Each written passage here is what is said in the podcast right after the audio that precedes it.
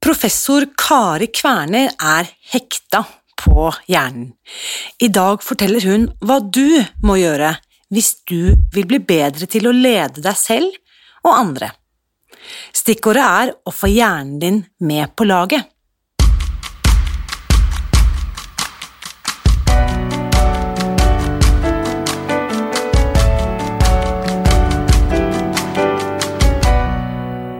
Mitt navn er Irina Li.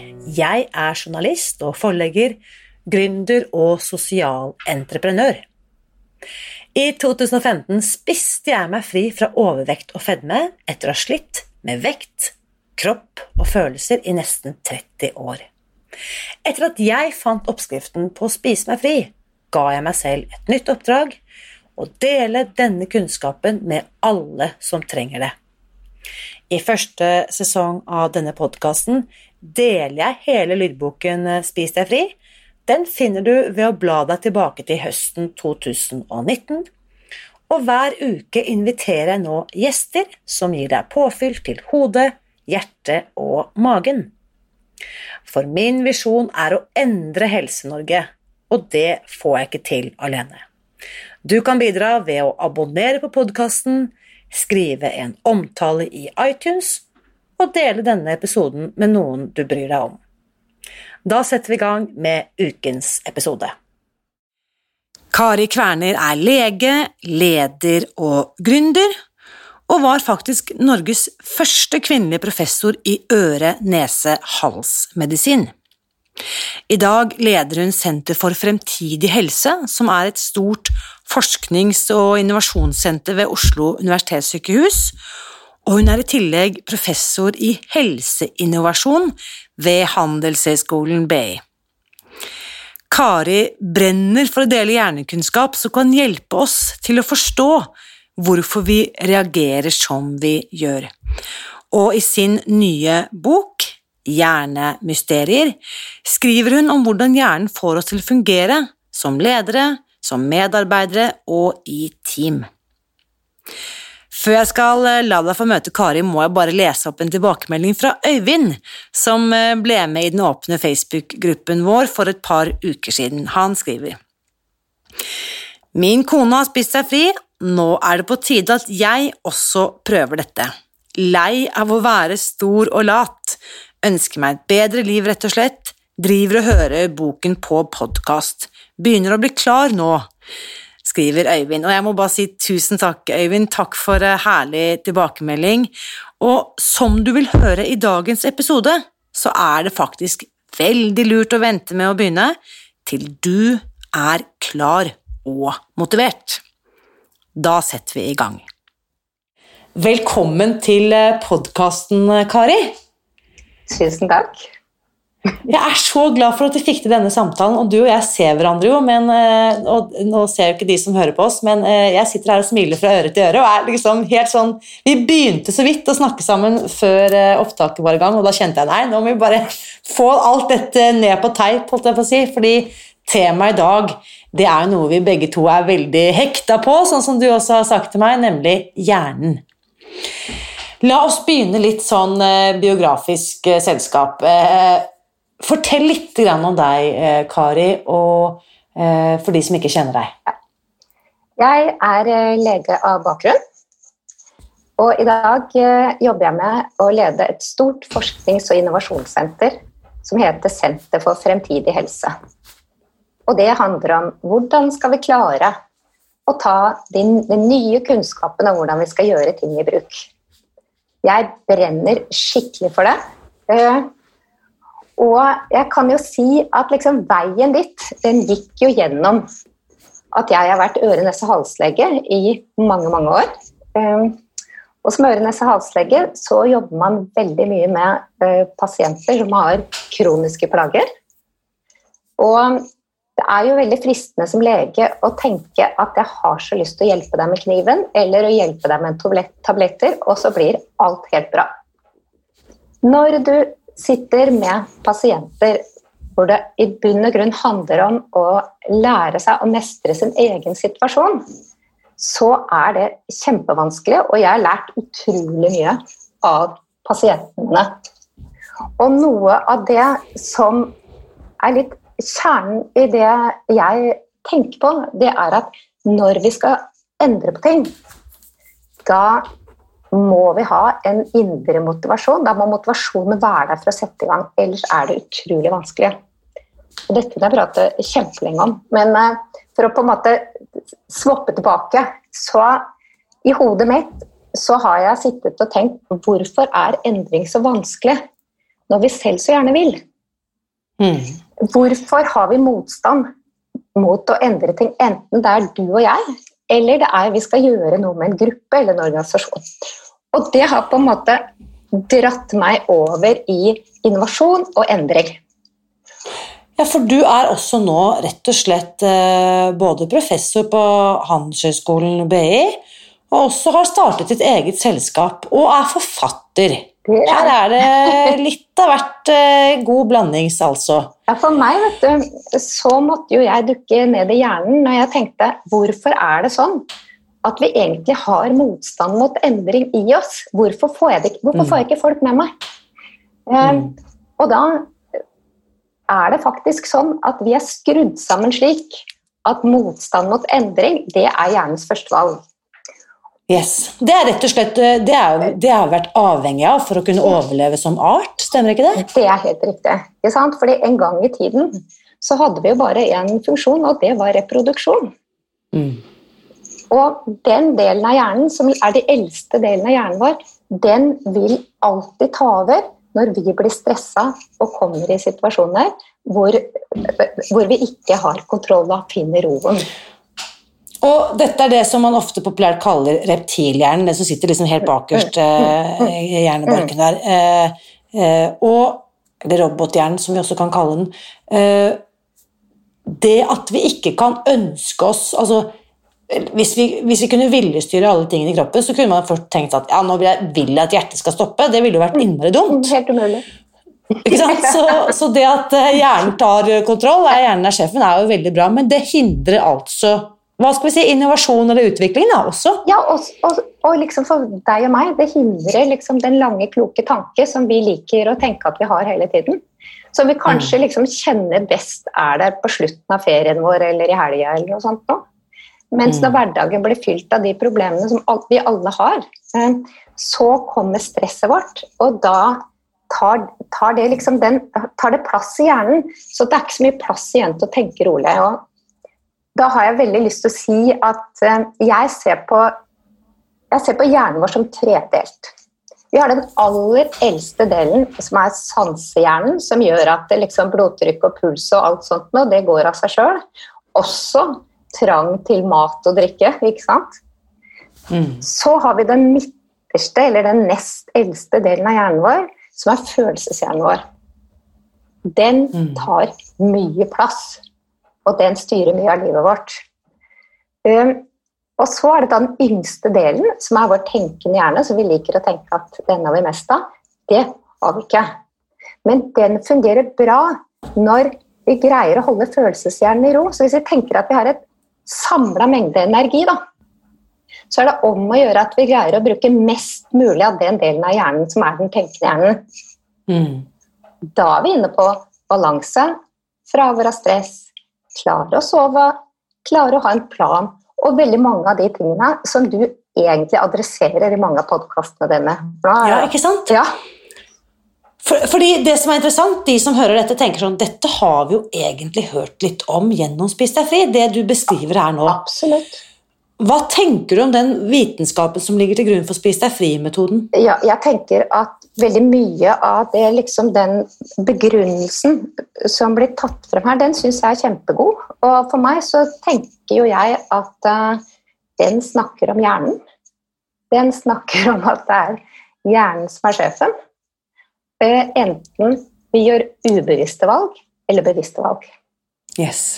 Det er så bra du sier, for det betyr at jeg må spille på lag med hjernen hvis jeg har tenkt å få til noen endringer. Akkurat og det er jo det din bok eh, handler om. Det er det du på en måte har adressert. Mm.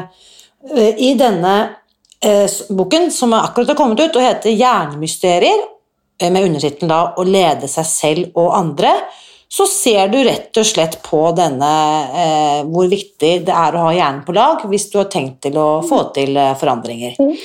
Eh, nå vet jeg at din bok er vel rettet litt inn mot typ eh, ledelse, eller hva skal vi si, gruppeutvikling eller selvutvikling, eller hvordan eh, Det er egentlig ikke det. Eller, eller for å si det sånn, da. hvis vi ikke klarer, hver og en klarer å lede oss selv Dette handler om å lede oss selv. For hvis jeg ikke kan lede meg, mm, hvordan kan vi lede andre? Yes. Så egentlig så var planen min for denne boken den handlet om hvordan kan du og jeg klare å få til endring selv om vi syns det er kjempevanskelig. Hva sier hjernen om det? Og hvilke verktøy må til for at vi skal få det til? Ja. Og du snakker jo ganske mye om verktøy, og boken snakker ganske mye om verktøy.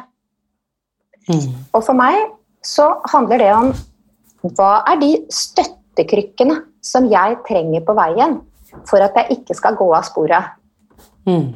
For vi går jo av sporet hele tida. Og egentlig har jeg også lyst til å si til deg at uh, jeg er jo veldig sånn uh, ja, kreativ av natur, og jeg har alltid tenkt at det skal være mulig å komme nedenfra og hoppe høyt.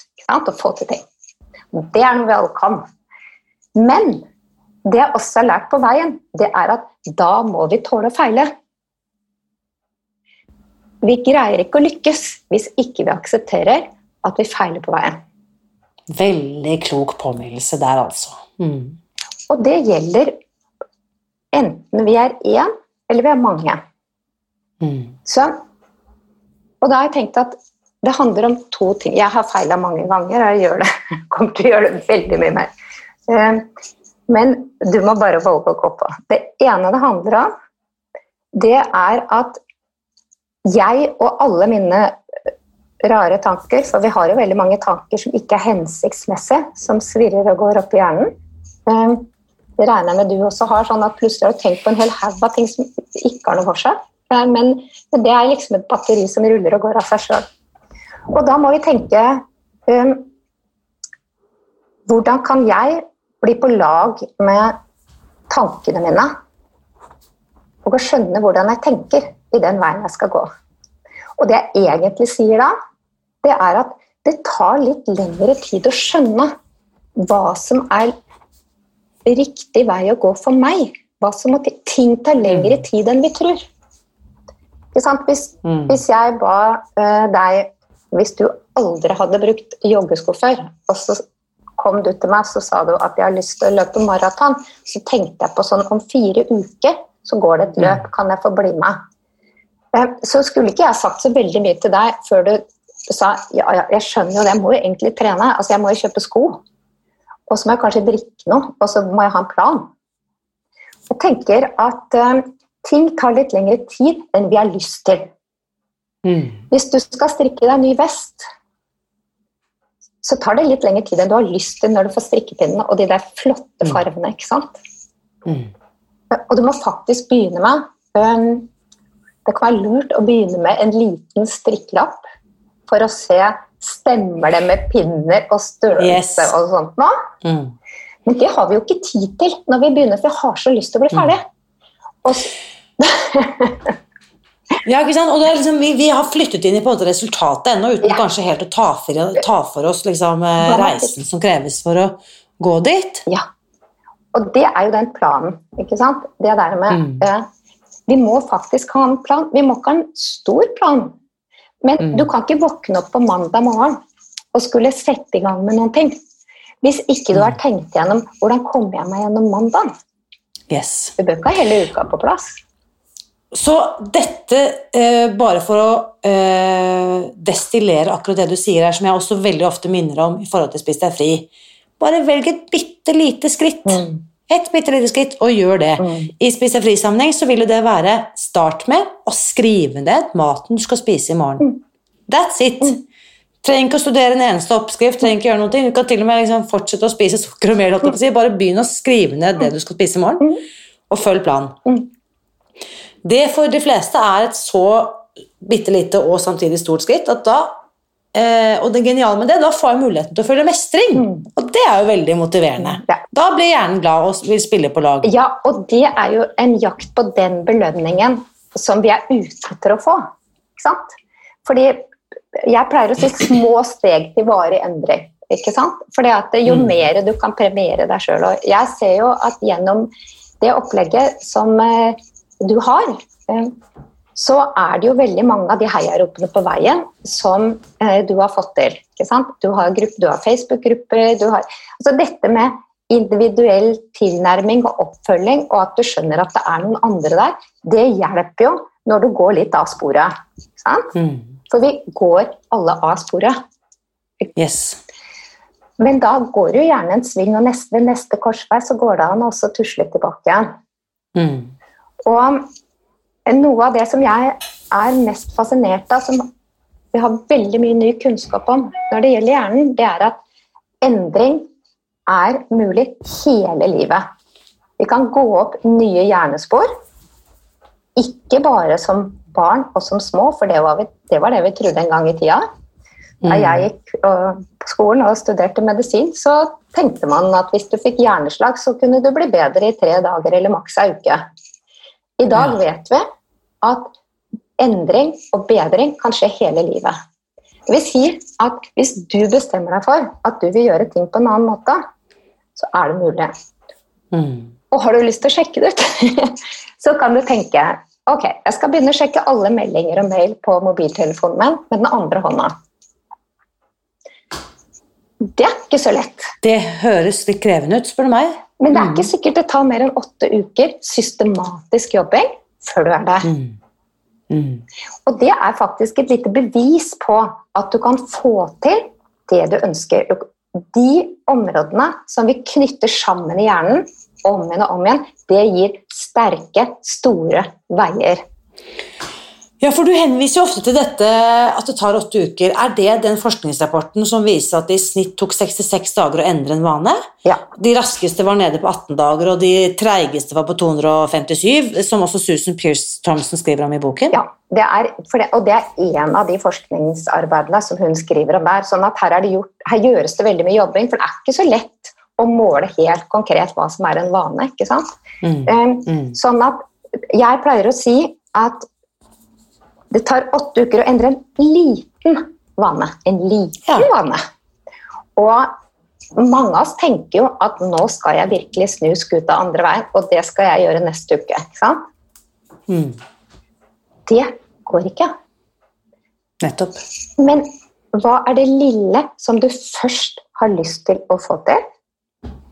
Og hva er målet på at du har fått det til? Mm. For det er om å gjøre å premiere seg sjøl, ikke sant? Det må vi snakke om, det behovet vårt vi Mm. har for belønning. Mm. For der tror jeg mange ikke Når jeg sier det, hvordan skal vi feire dette, og nå skal vi feire, altså, dette er virkelig fortjener stående applaus og alt som bedre er. Mm. Eh, og så tror jeg veldig mange av oss bare liksom hopper over det trinnet. Hvorfor er det så viktig med belønning? Det er kjempeviktig, for jeg tenker jo at vi har jo alle en eller annen avhengighet som ikke er så grei. Enten vi jobber for mye, eller vi drikker for mye, eller vi fester for mye, eller vi trener for mye, eh, eller vi spiser for mye. Mm. Eh, Og vi gjør jo dette av en grunn.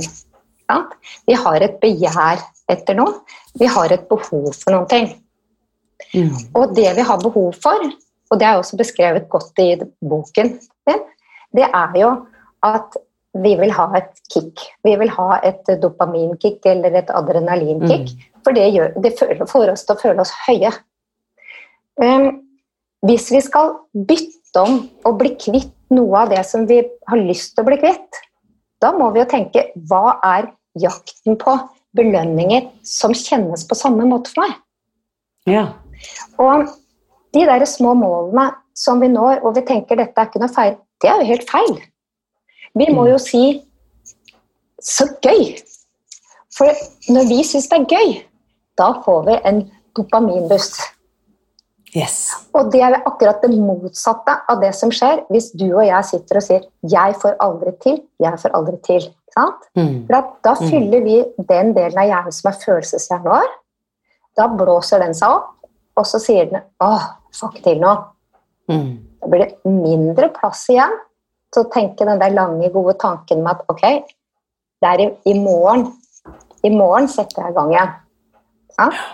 Da blir vi helt, da blir vi bare stressa og, og helt kaotiske. Og det er derfor jeg sier sett et lite mål. Ingen av oss klarer å multitaske. Altså, Jeg er så glad i å nå mål at det hender at jeg skriver opp Ja. i boken min ting jeg allerede har utført, bare for å gleden av å kunne stryke den ut. Yes, Er det, Ja, ja, veldig gjenkjennelig. Ja. er det lov å innrømme høyt? Ja. ja, og jeg gjør det samme. Og så prøver jeg jo også å snakke med andre om det, og prøver å si hva er det vi skal få til sammen? Ikke sant? Hvor langt har du kommet? Ikke sant? Jeg ringer deg på torsdag. Sant?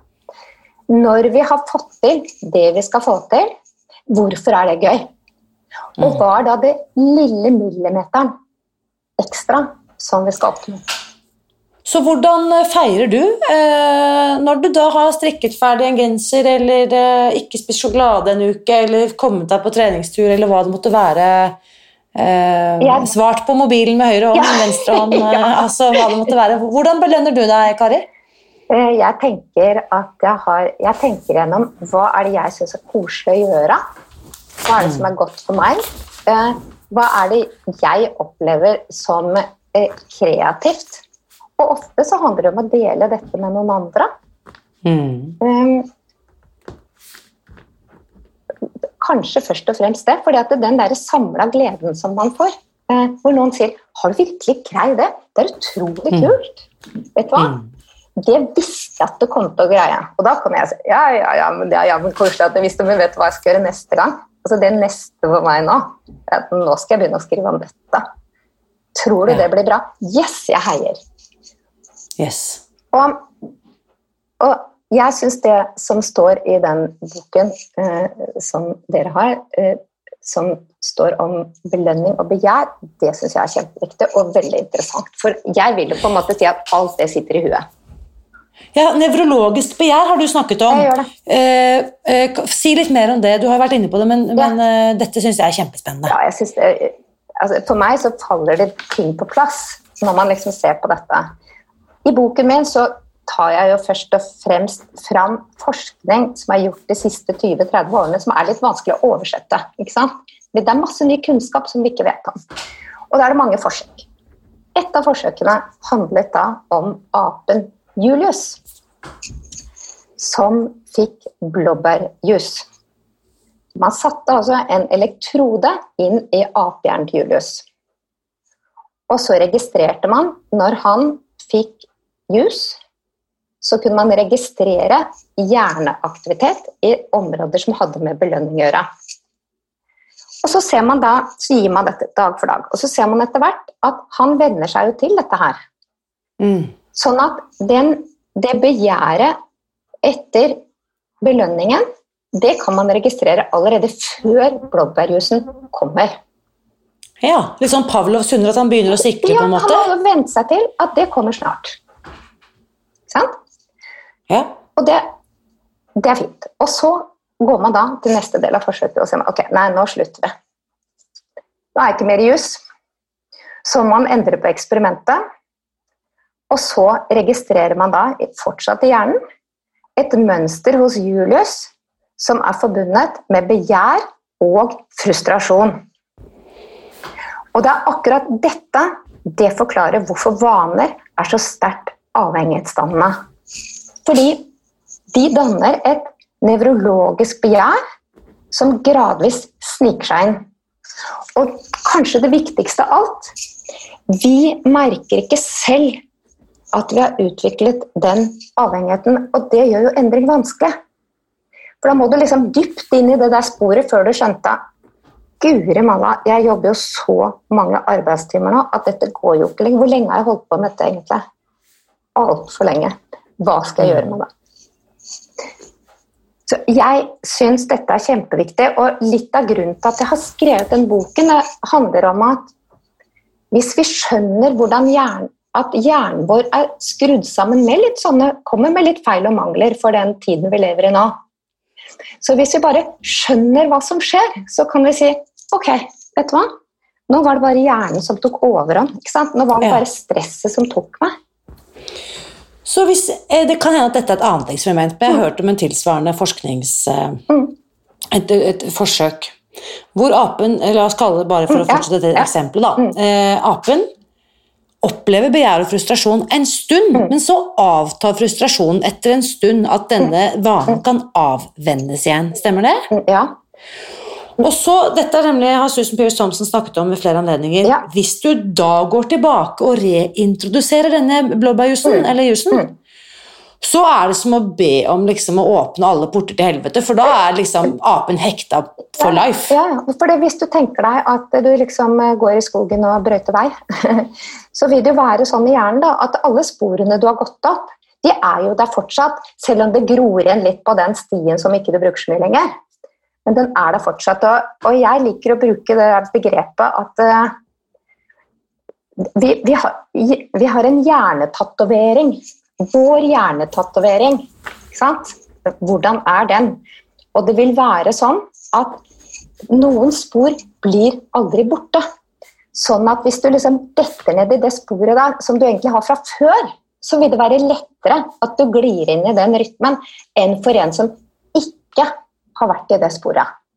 Yes.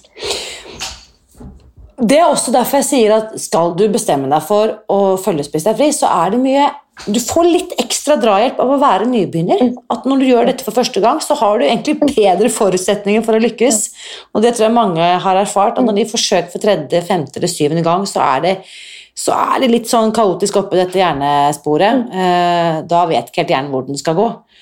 Eh, Men hvis vi veldig bevisst og veldig på en måte systematisk gjennom åtte uker forsøker å endre denne vanen, så har vi ganske gode odds. Jeg har det. Også, jeg tenker jo en annen ting også, og det er at uh, noe av det jeg tror er veldig viktig, det er at hvis jeg skal få til noe, så må jeg være ordentlig motivert. Yes. Da må jeg være indre motivert, og så må jeg faktisk skreddersy planen slik at den passer for meg. Mm. Og min erfaring er at det trenger de fleste av oss litt hjelp til å få snakke rundt. Fordi hvis du hadde spurt meg hva jeg ville, så ville jeg antagelig sette opp et mye større mål på kortere tid enn det som egentlig er den riktige veien for meg. Mm. Så når jeg får lov å dele tanker med deg om hva jeg tenker at jeg har lyst til, så vil jo du snakke med meg på en sånn måte at du lar meg finne min lille diamant, og hvor jeg skal starte å polere den diamanten. Mm. Og Så at fint. kanskje det vi da gjør feil, er at vi skal polere for mye i første runde. Og at da blir det også litt sånn at når du prøver for femte gang, og du fortsatt liksom tar for store steg, ja, da, da, da vil du få alle disse negative tankene, og Mm. stress i hjernen vil på en måte ta over litt. I stedet for at du har roen til å lytte når noen sier til deg Men du, hvorfor skal du gjøre dette på så kort tid, da? Hva med å finne ja, Hva er det ene lille du kunne starte med? Mm. Fantastisk. Og det liker jeg begge de to tingene du var inne på her nå, nemlig det å snakke med noen. Fordi at når jeg sier ting høyt, så hører jeg også ofte litt sånn galskapen i det at før om fire uker skal jeg både liksom skrevet en ny bok og løpt maraton og gått ned all min overvekt. Da er det kanskje på tide å ta Kanskje den jeg snakker med, jeg kan si sånn Ok, men eh, hva tenker du om det? Eh, og sortere litt. Kanskje ta det viktigste først, eller ta det minste først, eller velge én ting, da. Eh, Så det å sette ord på det så jeg kan høre mine egne tanker, det, det tror jeg er en kjempefordel. Og også være modig nok til å velge vekk. Ikke sant? At det ikke skal eh, Det tror jeg også er eh, superverdifullt. Du, vi klarer bare én ting om gangen. Enkelt sagt. Altså, for det er sånn at for, for hjernen er det enkle det beste. Mm. Og det, det kan jeg bruke åtte timer på å snakke om hvorfor det er sånn. Men det er faktisk sånn. Det elsker jeg jo. Eh, Det er jo en fantastisk eh, en måte oppsummering, for hjernen er det enkle det beste, og det, det tror jeg på. Det har jeg jo erfart, det opplever jeg jo inni mitt eget hode. Jeg må eh, spørre, Kari, for du, altså, du leder altså dette senteret eh, ved Oslo universitetssykehus, Senter for fremtidig helse.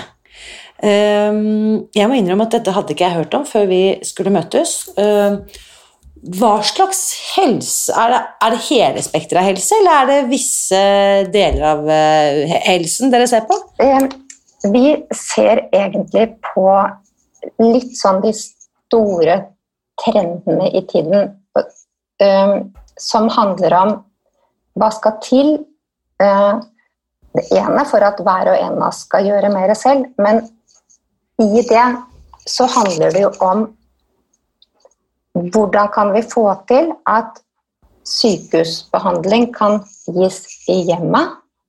Hvordan kan vi få til at vi kan følge opp folk i sitt eget hjem hvis de ønsker det, i stedet for å komme til legen sin? Og for meg så er jo en kjerne For dette handler om alle med kroniske plager, og det er veldig mange. Sant? Og den, liksom, den ideelle drømmen, og egentlig det som WHO også har som et mål, det er at man, man sier hvordan skal vi sørge for at de menneskene som er rundt deg og meg, er på en måte førstelinjetjenesten for hverandre. Ikke sant? Eh, mm. Hvordan hvordan kan de rundt meg hjelpe meg, sånn at jeg gjør ting mer riktig? Så kan jeg si at. I, i liksom mikroformat så er jo det du brenner for når jeg hører du snakke på podkasten din, når du starter podkasten din. Eh, så det å endre helsetjenesten, det ønsker både du og jeg, og så har vi hver vår vinkling inn. ikke sant? Mm. Mm. For, for målet er jo at vi ikke snakker om sykdom, men vi snakker om helse. ikke Mm. Altså det er friskhet og ikke sykhet. Nettopp. Og det er så fint eh, eh Noen tror at denne metoden heter 'spis deg frisk', og den kunne egentlig hett det, men mm. altså, en annen ting er liksom 'hold deg frisk'. Eh, fordi eh, Det som jeg bare er nysgjerrig på, da, siden du er ved universitetssykehuset, så må jeg bare spørre deg det er kommet så mye forskning sant, på dette feltet. Du henviser til apen Julius, og vi har hørt om både Pavlo Sunder og Marshmallow-eksperimentet og alle disse andre tingene. Hvorfor er det så motstand, det er min påstand, da, i skolemedisinen mm. Men med de som opererer innen feltet, altså ikke opererer nødvendigvis, men altså mm. de som jobber innen overvekt, fedmefeltet, ernæring, til å ta inn over seg liksom hjerneforskningen? Hvorfor er det så mm. vanntette skott? Hva er det ikke jeg skjønner? Hva er motstanden handler om? Altså det, det jeg tror altså jeg Aller først har jeg egentlig lyst til å gi deg det svaret at når vi alle har hjerner som er sånn at vi helst vil gå ut av senga på samme siden uh, hver morgen, at vi helst foretrekker samme frokosten hele tida, at vi gjerne er sammen med de vi pleier å være sammen med, så er vi skrudd sammen slik at vi ikke sier 'kom med noe nytt', det vil jeg kaste meg over. Ah, nettopp. Det gjør vondt å tenke nytt. Det gjør vondt å tenke nytt. Og så tenker jeg også at hvis du og jeg sier er vi enige om at god helse for folk er det viktigste vi driver med, så vil du si ja, og så vil jeg si ja. Men, men hvis da noen går til oss to og så sier kan du beskrive akkurat hva du mener med det, så vil vi beskrive litt forskjellige ting. Ja. Og for vi sitter ikke da og sier når du snakker om god helse, hva tenker du konkret på? Og hva mm. tenker jeg konkret på? Og dette koker egentlig ned til hva, hvilket behov har vi, og snakker vi om det samme? Ja. Det gjelder enten vi vil gjøre noe med helsevesenet, eller vi vil gjøre en endring med oss sjøl.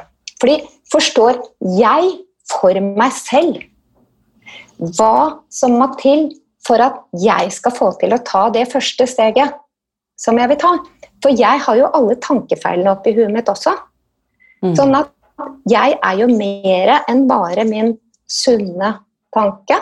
Jeg er også mm. alle de der rare tankene som sier at 'dette kommer aldri til å gå'. Og det å ta Det å snakke sammen lenge nok til at man skjønner at man snakker om det samme, det tenker jeg faktisk er første steg, og det er akkurat det jeg forsker på i dette senteret.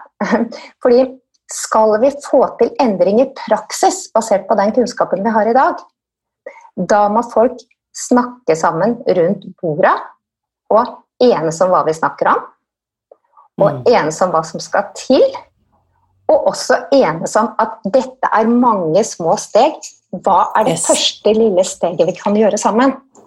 Mm. Og kanskje anerkjenne at uh, ulike pasienter eller ulike mennesker trenger ulike løsninger. Eh, Helt riktig. Og det har med den der skreddersøm å gjøre. ikke sant? For det, du, det er ikke du som vet hva jeg må gjøre for å få til noe, men du det kan vite hvordan du skal snakke med meg for å få Mm. frem det i meg. Som gjør at jeg kjenner at wow, det er jo dette jeg vil.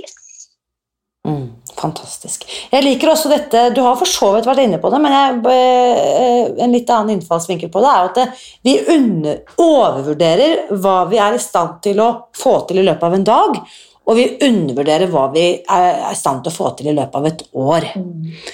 For det tenker jeg nettopp alle disse bitte, bitte små øh, skrittene, så, så står vi liksom øh, i Kuala Lumpur vi, før vi vet ordet av det. Mm. Eh, så det er jo bare å fortsette å, å gå. Ja, og jeg tenker også at kanskje noen ganger så skal vi liksom snu oss tilbake, og så skal vi si hva, hva, hva har jeg egentlig fått til i livet mitt på det området der vi ønsker å få til noe? For vi glemmer at vi var jo en annen da vi var 20, selv om det var det samme vi jobba for å få til. Mm. Mm. For når setter vi oss ned og så sier Hallo, Irina. Hvordan var det det egentlig begynte? Vel Mm. er jeg oppgitt nå over at jeg ikke kommer lenger, men, men har jeg ikke fått til noe? Mm. Hvor er jeg hen egentlig? Det er en veldig fin påminnelse. Uh, at vi, vi må stoppe opp og se litt i bakspeilet. eh, og anerkjenne oss for den veien vi faktisk har gått. Og øh, jeg blir så inspirert når jeg, snakker med eh, personer som deg, Kari, som på en måte når du tar en rask titt på CV-en, så ser du at det bare spriker i alle retninger. Og likevel så er det på en måte en helhetlig Man skulle nesten tro at når man ser i bakspeilet at det har vært en plan, men det tipper jeg at det ikke har vært. Nei, ikke noe annet enn at jeg ønsker å bidra til å gjøre en liten forskjell i verden. Ikke sant? Eh, Ja. Og det tror jeg vi alle kan. Og så har Yes. det tatt meg lang tid å finne ut av hva er det jeg kan noe om? Hvor jeg er god, og jeg kan bidra. Og jeg tror at jeg er god på å hjelpe folk å se muligheter for seg sjøl eller for det man jobber med. Og at jeg også er en person som kan være med og gi heiarop på hva som skal til for å komme dit du skal. Fantastisk. Mm. Og det har med hjernen å gjøre. Det har egentlig med å skjønne noen få ting med hjernen. For uh, jeg har tenkt ganske mye på det. Uh, vi, hjernen trenger jo samme type trening som kroppen trenger, egentlig. Og det har vi ikke tatt sånn helt inn over oss ennå. Eh, for vi trenger jo en slags sånn hjernegym som gjør at vi kan komme dit vi vil. Og når, da du og jeg gikk på skolen og var sju og åtte og ni år, eh, så lærte vi å summere, vi lærte å trekke fra, og vi lærte å gange og dele. Og det har jo faktisk hjulpet deg og meg i livet når vi skal betale regninger og skjønne egentlig liksom, hvordan er denne økonomien. For meg er det akkurat like naturlig å tenke jeg må skjønne når hjernen min hjelper meg på veien, og nå har den ikke hjulpet meg på veien. Og de få tingene om hjernen som kan hjelpe meg med det, de innsiktene på det, de kan hjelpe meg hver eneste dag i hverdagen. Mm. Mm. Så jeg brenner jo veldig for at vi skal si ja, gjerne. Ikke sant? Ja, gjerne fantastisk. Du, I løpet av denne samtalen Kari, eh, så har jeg notert altså tre tettskrevne sider her. Jeg håper at de som lytter også bare begynner med den vanen og noterer mens de lytter, for det er super eh, Ja, det kan du vel eh, forhåpentligvis bekrefte, at da lærer vi bedre, ikke sant? Vi, Helt riktig. Du bruker jo flere sanser. og og, ikke minst at vi må notere for hånd, taktilt, med penn mot papir. Helt riktig. Da fikk jeg bekreftet det fra ekspertisen. Eh, jeg vil bare, eh, Dette blir ikke helt eh, alt vi har sagt, vært innom, men jeg syns det første eh, tipset ditt som jeg noterte med store utropstegn her, våge å feile Mm. når vi skal gjøre en endring. Det er litt som å tenke på den ettåringen som skal opp og gå. Hvis han ikke reiser seg når han har fått sitt første skrubbsår, så blir han liggende ganske lenge. Eh, Så vi må våge å feile. Også dette med belønning, at hjernen vår trenger å, å få belønning. Og at én måte å belønne seg på kan være å fortelle om det til andre. Rett og slett bare dele gleden. Også dette med all endring eh, forutsetter motivasjon. Det er ikke vits å prøve å få til noe du egentlig ikke er motivert til. Da, bare, bare, da bare blåser vi i det stedet for. Ja, og hvordan kan jeg få hjelp til å finne min indre motivasjon? Ja. Det kommer ofte når noen hjelper deg å snakke rundt det, hvis du sier 'dette orker jeg mm. faktisk ikke å gjøre'. Uh, og så uh, kan jo jeg si Nei, vet du hva, det skjønner jeg, men hva er det du tenker liksom er vanskeligst akkurat nå? Altså, hvis, mm. hvis du skulle få til noe, uh, hva var det egentlig som du ville få til, og hvorfor er det viktig for deg å gjøre det? Mm. Mm. For hvis det ikke er viktig for deg, da kanskje du skal tenke deg om en gang til. Ja. La det ligge. Ja, For det er ikke sikkert det går. Mm. Og noen eh, kom jo eh, til meg og sier sånn 'Hjelp meg i gang. Hva skal jeg gjøre?' Mm. Sånn og sånn. Mm. Og da spør jeg ofte dere liksom, hvorfor ønsker du å gjøre det. Mm. Eh, og da kommer det ofte, da er ofte svar sånn som dette. Mm.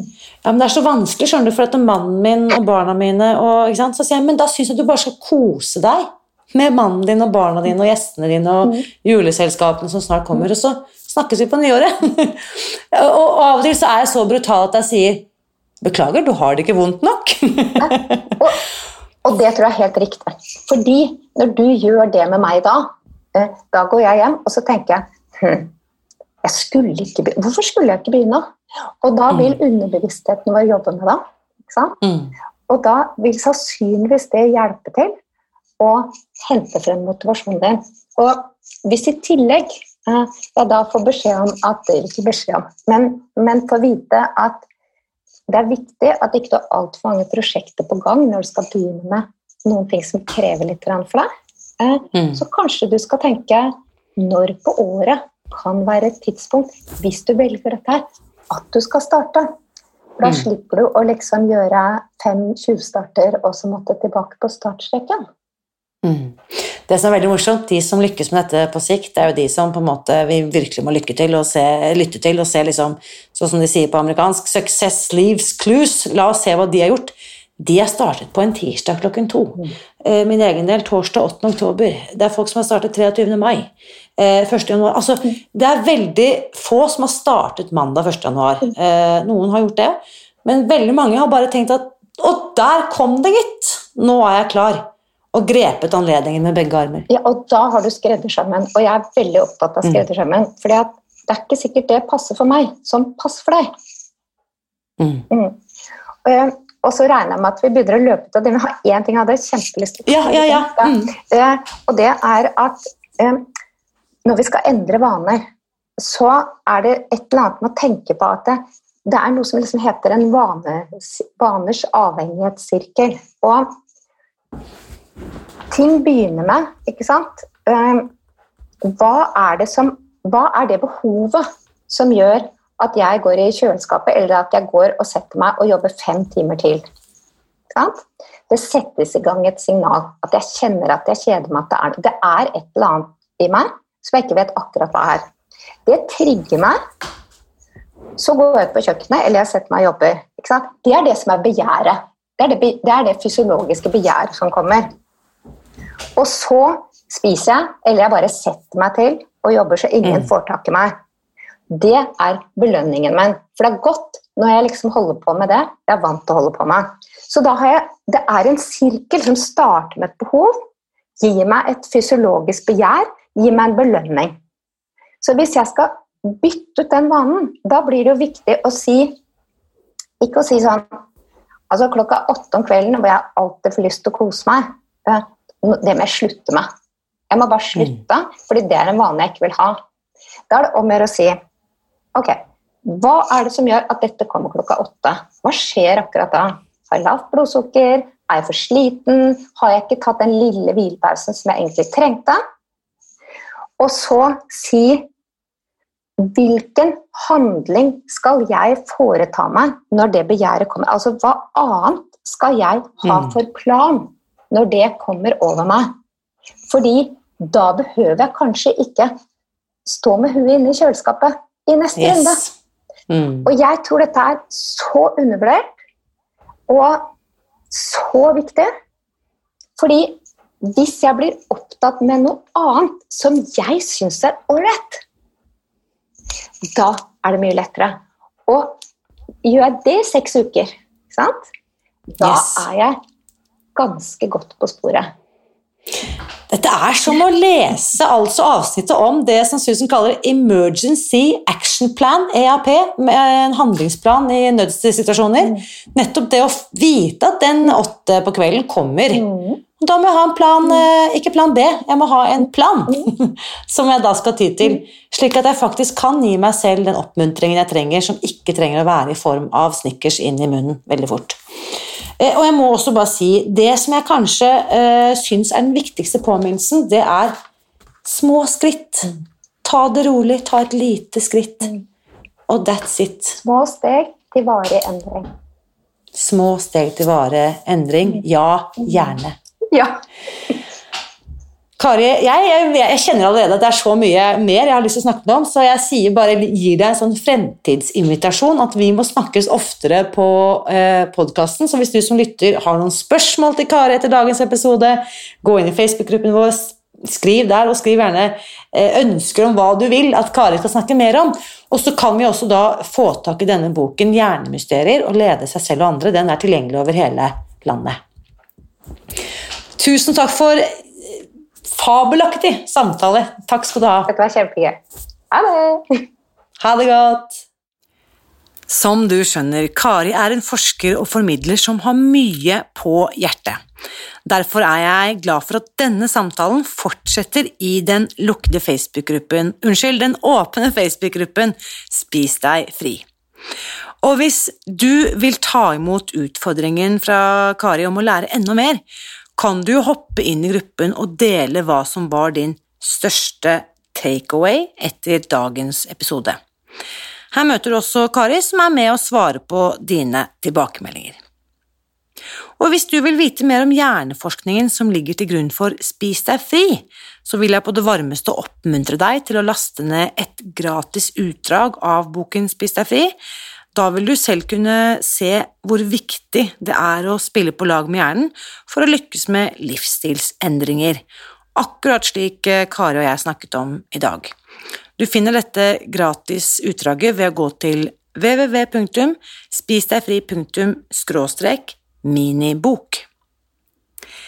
I neste ukes episode så skal vi holde oss i, i hodet, eller kanskje det er riktigere å si at vi dykker ned i magen.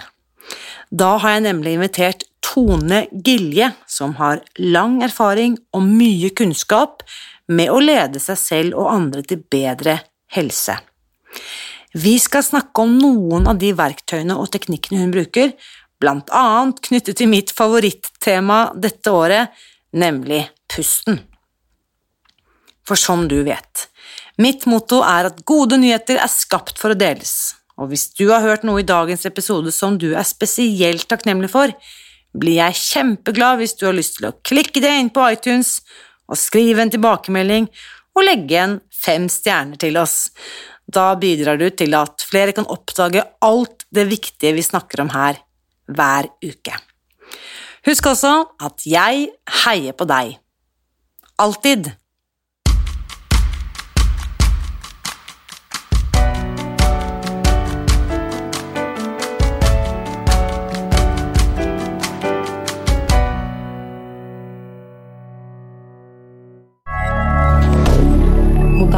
القادة